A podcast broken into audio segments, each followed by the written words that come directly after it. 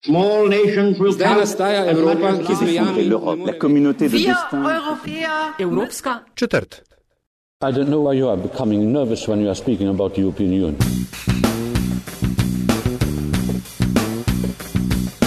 Spoštovane in cenjeni, dobrodošli v Evropski četrti, podkastu o vsem, kar vas bo zanimalo o Evropski uniji, pa niste vedeli, koga vprašati.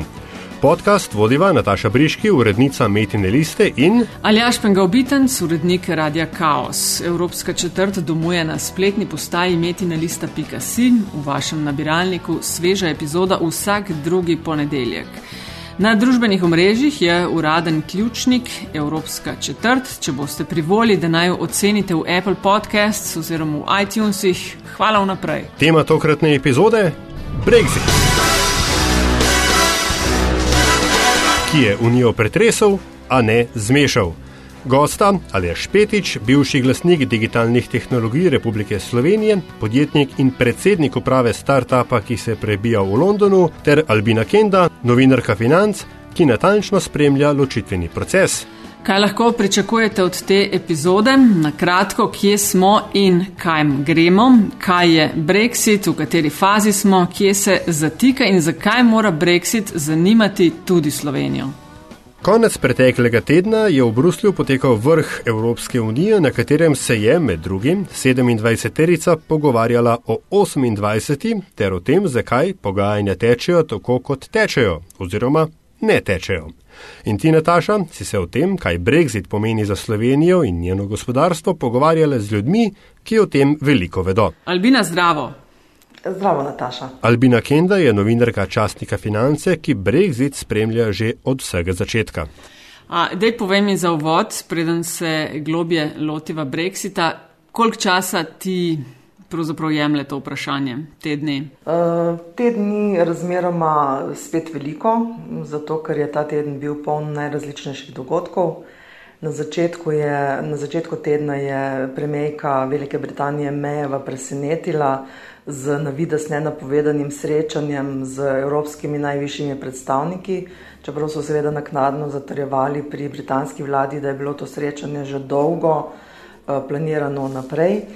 Uh, in to srečanje je bilo videti kot nekakšno gašenje požara, ker so, kot kaže, evropsko-britanska pogajanja nekako zastala in nekega napredka ni uh, videti. Na vrhu v uh, petek pa bi, pa bi voditelji morali pravzaprav odločati, ali je bil zadosten napredek dosežen, da se lahko pogajalci preselijo iz prve v drugo fazo.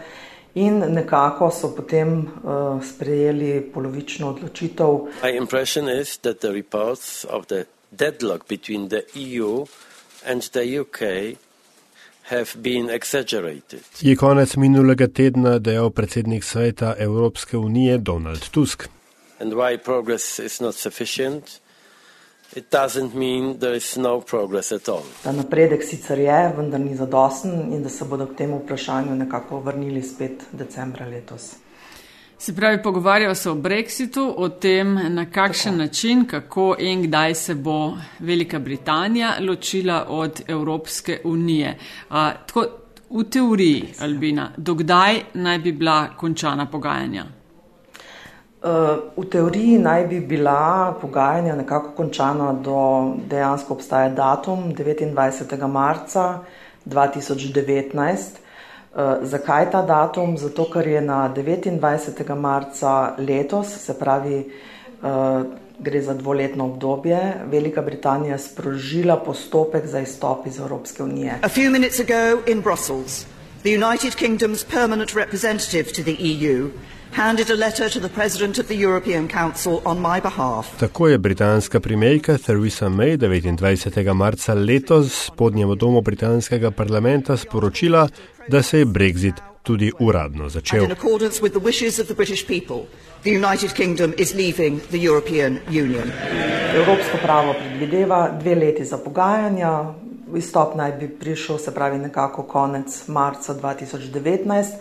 Vendar pa je treba seveda vedeti, da morajo pogajanja biti končana več mesecev naprej, zato ker morajo steči določeni eh, zaledni postopki, bi temu rekli, eh, morajo biti pripravljene eh, pogodbe, treba je odnose seveda formalizirati v pravnih besedilih in to seveda zahteva svoj čas.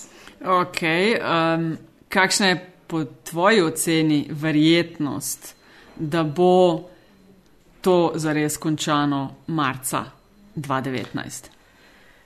To je zelo, zelo zahtevno vprašanje. Uh, mislim, da se oba uh, partnerja, se pravi obe strani, uh, trudita, da bi zadeve bile končane, hkrati pa na obeh straneh obstaja zelo veliko dvoma, da bo, uh, da bo pogajalcem uspelo uh, izpeljati tisto, kar so si zadali, ker je vprašanj resnično zelo veliko. In uh, tudi zato je pravzaprav zdaj nekako na mizi uh, prvič. Uh, nek predlog britanski, uh, ki poskuša reševati to zagato, uh, da naj bi uh, po tem končnem datumu, predvidenem, uh, ko naj bi se končala pogajanja, uh, sprožili nekako dvoletno prehodno obdobje, v katerem bi poskušali na nek mehek način preiti iz enega v, drug, v drugo formalno pravno stanje odnosov med EU in Veliko Britanijo.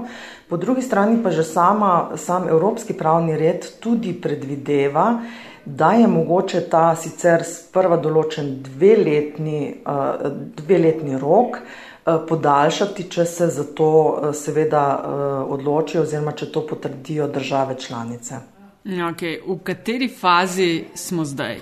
Zdaj smo se pravi eh, oktobra 2017, dobro leto, pogovorov, v kateri fazi smo, kje smo zdaj? Zdaj smo v fazi, ko je pravzaprav veliko že bilo narejenega, hkrati pa je prišlo do nekakšnega zastoja. In glede na to, da vemo, da EU vse skozi ustraja, da je treba pogajanje nekako peljati metodično in v dveh fazah, je problem, zato ker je v prvi fazi bilo zamišljeno, da bi se EU eh, e in Velika Britanija pogovarjali o tem, kakšni so ti odnosi, kako bi pravzaprav ta ločitvena pogodba, vse te, um, vse te pristojnosti oziroma dogovori, kako bi to izgledalo in potem v drugi fazi bi se pogovarjale, kako bi odnose zastavile za vnaprej po mhm. Brexitu. Zdaj pa časa, ki je bil namenjen prvi fazi in zdaj bi morali pravzaprav vstopiti že drugo fazo, Eh, časa tega zmanjkuje. Zdaj, zakaj je tako, je pravzaprav.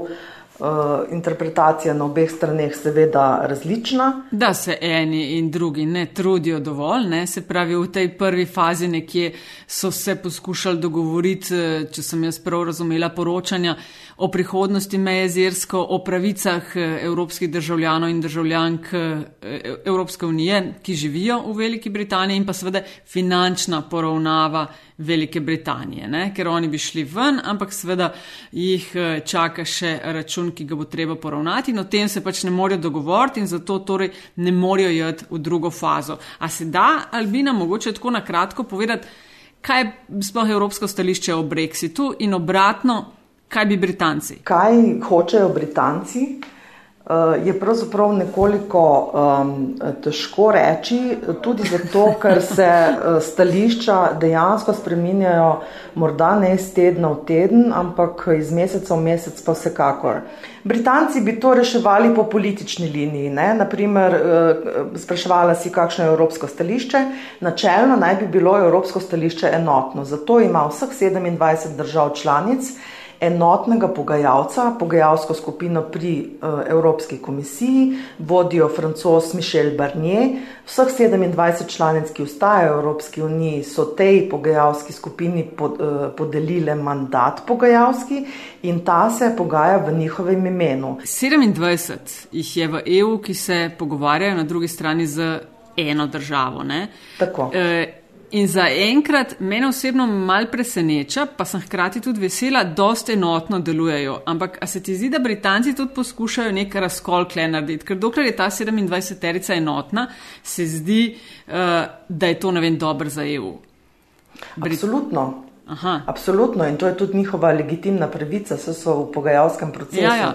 Recimo to je to, da je na nek način vendarle Eh, Evropska unija tukaj um, dosegla neko en, enoten glas, enotno stališče, je pravzaprav pozitivno, ampak je hkrati tudi eksistencialno pomembno, zato ker uh, gre za ne nazadnje tudi prihodnost tistih, ki ostajajo članice ne, v Evropski uniji. Tako da je pomembno, uh, uh, pomembno je, da, je, da se odnosi z, Evro, z se upravičujem, Veliko Britanijo uredijo na tak način, da ne bodo na nek način spodbuda za kogarkoli nadaljnega, ki bi želel uh, imeti, ne, ali ja, ki bi želel svojo Evropsko unijo. Ne. Razumem. Je pa eh, po drugi strani to, da se pa, eh, da pa poskuša Velika Britanija razbiti to enotnost, se je pa jasno pokazalo ne na zadnjem govoru, ki ga je imela um, vel, um, premijejka Mejeva v Firencah nedavno,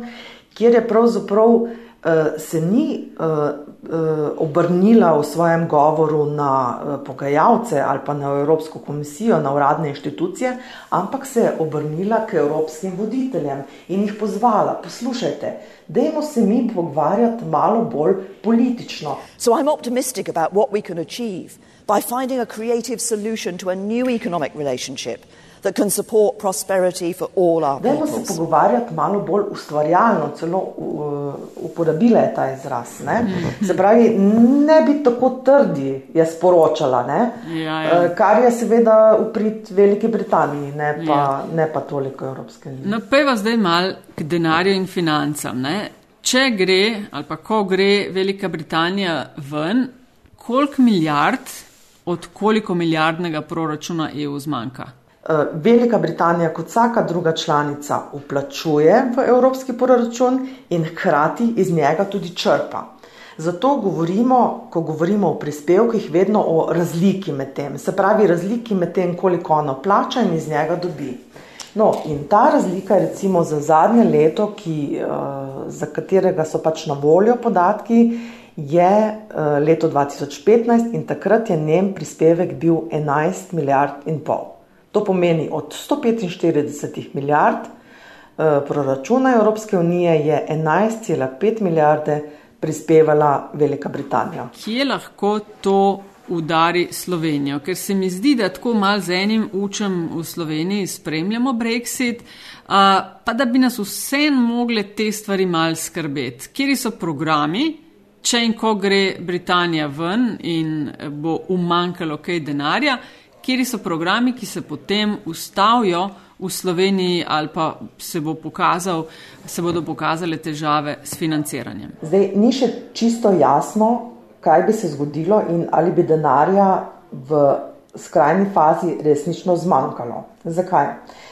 Velika Britanija namreč bo izstopila, če bo izstopila ob tem datumu marca 2019 izstopila, še preden se zaključi ta sedanji sedemletni proračun. Je pa seveda nekako obljubila, da bo prispevala, to, so, to je zdaj seveda tudi stvar pogajanj, da bo prispevala do konca. Ta, to proračunsko obdobje se izteče 2020. leta. Kako bo naprej, se bodo pa morale potem, kot Velike Britanije več ne bo in ko tudi več ne bo prispevala v proračun, se bodo pa morale članice, ki bodo ostale 27, med njimi tudi Slovenija, seveda odločiti. O tem veliko poslušam, ne? da če Britanci ne bodo uh, poplačali vsega, kar naj bi bili dolžni, uh -huh. da bo zmanjkalo toliko in toliko sredstev, koliko je pa Slovenija uspešna pri črpanju kohezijskih sredstev? Slovenija načelno je v bistvu zelo uspešna pri črpanju uh, evropskih sredstev. To uh, sami ne slišimo sicer radi. Je pa ena težava. Zakaj ne? Namreč, to je dobra novica, ali bi? to je v resnici dobra novica. Ampak te in zmeraj je. Vedno ampak, je en ampak, ja. tako. Obstaja pa težava, da je pravzaprav Slovenija slaba pri dinamiki, kar pomeni, da recimo, ne vem, če pogledamo, tule sem si eh, sem mal pogledala številke, ker sem se pripravljala, 2007. leta v prejšnjem obdobju je Slovenija naprimer počrpala samo 390 milijonov. Ne? Konec obdobja leta 2013 je bila številka dva in polkrat višja 813. 2014 in 2015, ko se nam je zelo, zelo mudilo, ne, da ne moreš več v tem času, ko je konec programskega obdobja, ne moreš več prijavljati novih projektov, lahko pa črpaš denar iz že prijavljenih oziroma projektov, ki se že izvajajo. Takrat je pa recimo leta 2014 Slovenija počrpala milijardo. Zdaj si pravi, imamo počasen, ja, si pravi, da imamo tempo. počasen štart, pa Tako. hud finiš. Tako. Kar se lahko zaplete, če Britanci grejo prej ven tako, in ne plačajo. Ne? Tako. Problem je, da v bistvu Britanci odhajajo iz Evropske unije eno leto pred iztekom sedajšnjega programskega proračunskega obdobja. In uh, kot vsaka druga članica, oziroma vsi projekti, ki jih članice prijavljajo, se lahko pravzaprav denar črpa še dve leti potem, to pomeni recimo od leta 2022. In kaj bo, če recimo 2021 ali pa 2022 uh, eh, denarja preprosto več ne bo? Uh, kolikor sicer jaz razumem, načelno stališče je tudi v, uh, v slovenski vladi oziroma na Ministrstvu za finance, da tretirajo to kot neko splošno pravno zavezo EU. Se pravi, če je za projekte denar bil odobren, da more biti tudi nekako zagotovljen. Hmm. Kako pa bo v resnici, mislim, da je res težko reči. A imaš kakšen občutek, eh, v kolikšni meri pa Brexit zanima ali pa skrbi slovensko gospodarstvo? A jih kaj skrbi?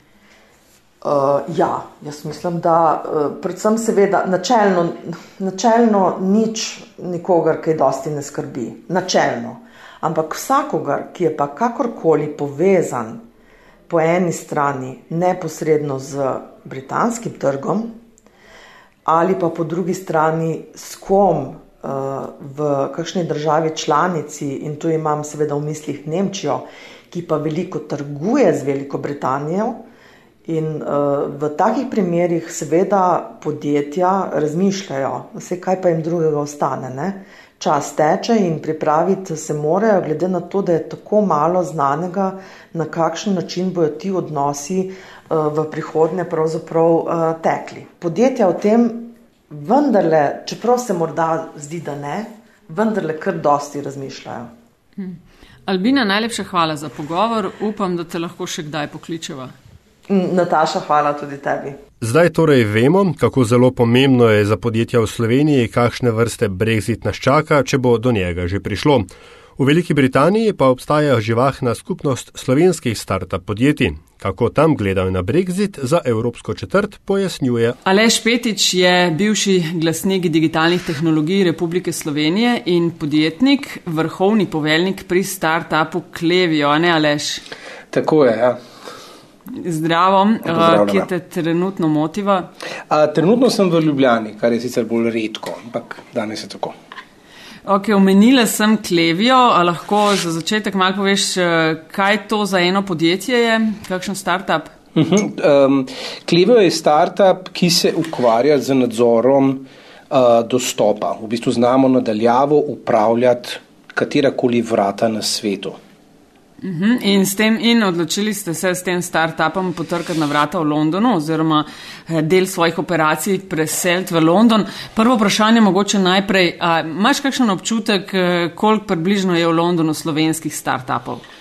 Ja, mislim, tukaj so vedno definicije problematične, ampak jaz mislim, da se v vsakem trenutku vrti nekaj deset uh, slovencev, ki se smatra za startup podjetnike v Londonu in poskušajo ustvarjati svoje uh, svoje poslovanje. Tistih, ki pa smo v bistvu, ko smo v malce večjem številu, bi pa rekel, da nas je tam nekje med 10 in 20. No.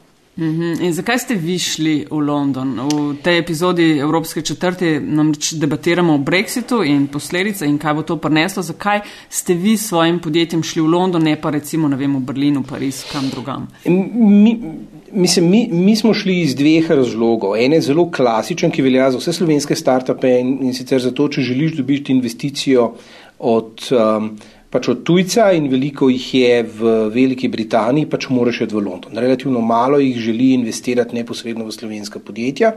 To je razlog, zaradi katerega smo šli mi, to je razlog, zaradi katerega sem svoje prejšnje podjetje ravno tako imel tudi v Londonu in tudi je to razlog, zakaj je velika večina tistih, ki jih jaz poznam v Londonu, pač pelje svoje slovensko podjetje v London.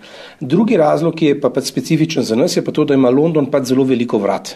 In mi vrata, mi poskušamo upravljati z dostopom, in je to pač nekoliko lažje v nekaj milijonskem mestu, kot pa v nekem manjšem mestu, kot je Ljubljana. Mm -hmm. um, Brexit, kaj se govori na start-up sceni? A vas kaj skrbi? Mislim, z Brexitom je tako. Uh, Brexit je pač zanimiva politična tema in se pojavlja v pogovorih takrat, ko gre za take gostilniške politične pogovore. Vsi se pač muzajo in nasmihajo, pač zdajšnja premijerka je, um, bom rekel, zelo neodločena oseba, pač v kampanji je bila proti Brexitu, zdaj ga zagovarja in tako naprej. Skratka, vsi se okoli tega mal zabavajo. Uh, kar se pa tiče resnega posla okoli startupov, je pa zadeva vseeno nekoliko specifična, ker startupi smo pač zelo mobilni. Ne? Uh, vsi tisti, ki smo tujci, ki smo prišli v London, smo prišli tja zaradi poslovne priložnosti uh, in pač, ker smo pač zelo fleksibilni. Ne, pač selc se nam je, sploh poslovno gledano, se nam je zelo enostavno in vsi se zavedamo, da v trenutku, če bojo Angleži kaj karkoli zapleteli naše življenje, tako kot nam ga je recimo domovina, ne, se bomo pač preselili pa v Pariz ali pa v Berlin ta mobilnost v naši industriji je izjemno visoka. Res je pa tudi to, da se tega angliži zelo zavedajo. Tako da kar vlada je ena taka mirnost uh, in, in pa mislim, ni kakšnih hudih pogovorov ali pa skrbi ali pa priprav, zaradi česar uh, bi ne bi spali ali pa karkoli drugega. Uh -huh. A je to Jaz bi to razumela tudi mogoče delno lahko kot priložnost za Slovenijo, da vas poskuša dobiti nazaj. A ste bili v kakšnih oblikah kontaktirani, ne samo tvoje podjetje, mogoče izkušnje tudi kolegov, uh, kako da bi vas želeli nazaj, mogoče, da je to priložnost za ta korak? Mislim, iz Slovenije ne, od kakšnih drugih držav pa. Aha, ste, ste v bistvu tarča drugih držav? Ja, seveda. Mislim, na vseh teh dogodkih se pojavljajo, mislim, to je sicer že večletna, to ni povezano samo z Brexitom, ampak že večletna praksa, da se pač nekatere agencije eh, v, v različnih državah sveta zelo trudijo s tem, da bi pač mlade podjetnike ki ustvarjajo delovna mesta z visoko dodano vrednostjo, privabili k nam. Mislim, taki zel, obstajajo zelo eksotični primeri, kot so recimo en tak zelo uspešen je bil startup Čile, kjer je Čile naredil cel paket za investicijo, vizami, delovnim okoljem in vem za vsaj za eno slovensko podjetje, ki je šlo za eno leto za to v Čile. Uh, potem francozi so zelo uspešno izkoristili zgodbo okoli Brexita in pa, no, in pa novega predsednika v Ameriki, ne, v trenutku, ko je, ko je začel Trump govoriti o, o, o ukinitvah vize oziroma omejitvah vizah, tehničnih viz, je Macron rekel, ni problema, mi, mi, vi ste dobrodošli tu, še francosko vam ni treba znati, sam pridite. Uh, Um, se pa zdaj pojavljajo tudi države, kot so recimo Bolgarija, je zelo uspešna med, med pridobivanjem slovenskih startupov. Jaz vem za vse, mislim za štiri ali pet, ki so šli v Sofijo, ker so pač eh, dobili tam ugodne investicije in pa pogoje. Um, zadnje čase se pa Ukrajina pojavlja od vseh držav, kar je precej zanimivo, ampak tudi oni imajo program, kjer ti pač omogočajo, da bolj učinkovito posluješ, kar je pravzaprav bistvo tega, kar mi počnemo. Mm. Ampak se pravi, na tej start-up sceni ali pa vi, ki ste preselili svoje podjetje v London, vas ta Brexit zaenkrat uh, ne skrbi prav zelo? Mislim, jaz tega ne zaznavam. Razlog je pa zelo enostaven. Če, se, če si, recimo, če upravljaš z neko banko ali pa finančno inštitucijo, ki ima 20 tisoč zaposlenih, bo premik takrat, ko, se, ko bo potreben. Težak. To pač 20 tisoč ljudi težko premakneš v Pariz, če v roku dveh ali treh tednov. Medtem ko pa startup, ki ima 5 do 15 zaposlenih, to lahko naredi v nekaj dneh. In je zato ta naša fleksibilnost bistveno enostavnejša. Mm -hmm. Tako da ni, ni um, glede na hitrost, s katero potekajo pogovori, ni da bi se uh, že kaj pripravljali ne, v kakšnih oblikah. Ne, ne. Alež, najlepša hvala za pogovor. Z veseljem. To je bila tokratna Evropska četrt. Predlogi, mnenja, pohvale in kritike so seveda dobrodošli na Twitterju, na Facebooku in na infoafnametinalista.si. Glasbena podlaga pa je delo audionautics.com ali Aši Nataša praviva hvala vam za družbo, do naslednjič. All right, but apart from the sanitation, the medicine, education, wine, public order, irrigation, roads, a fresh water system, and public health, What have the Romans ever done for us? Brought peace? Oh, peace! Shut up!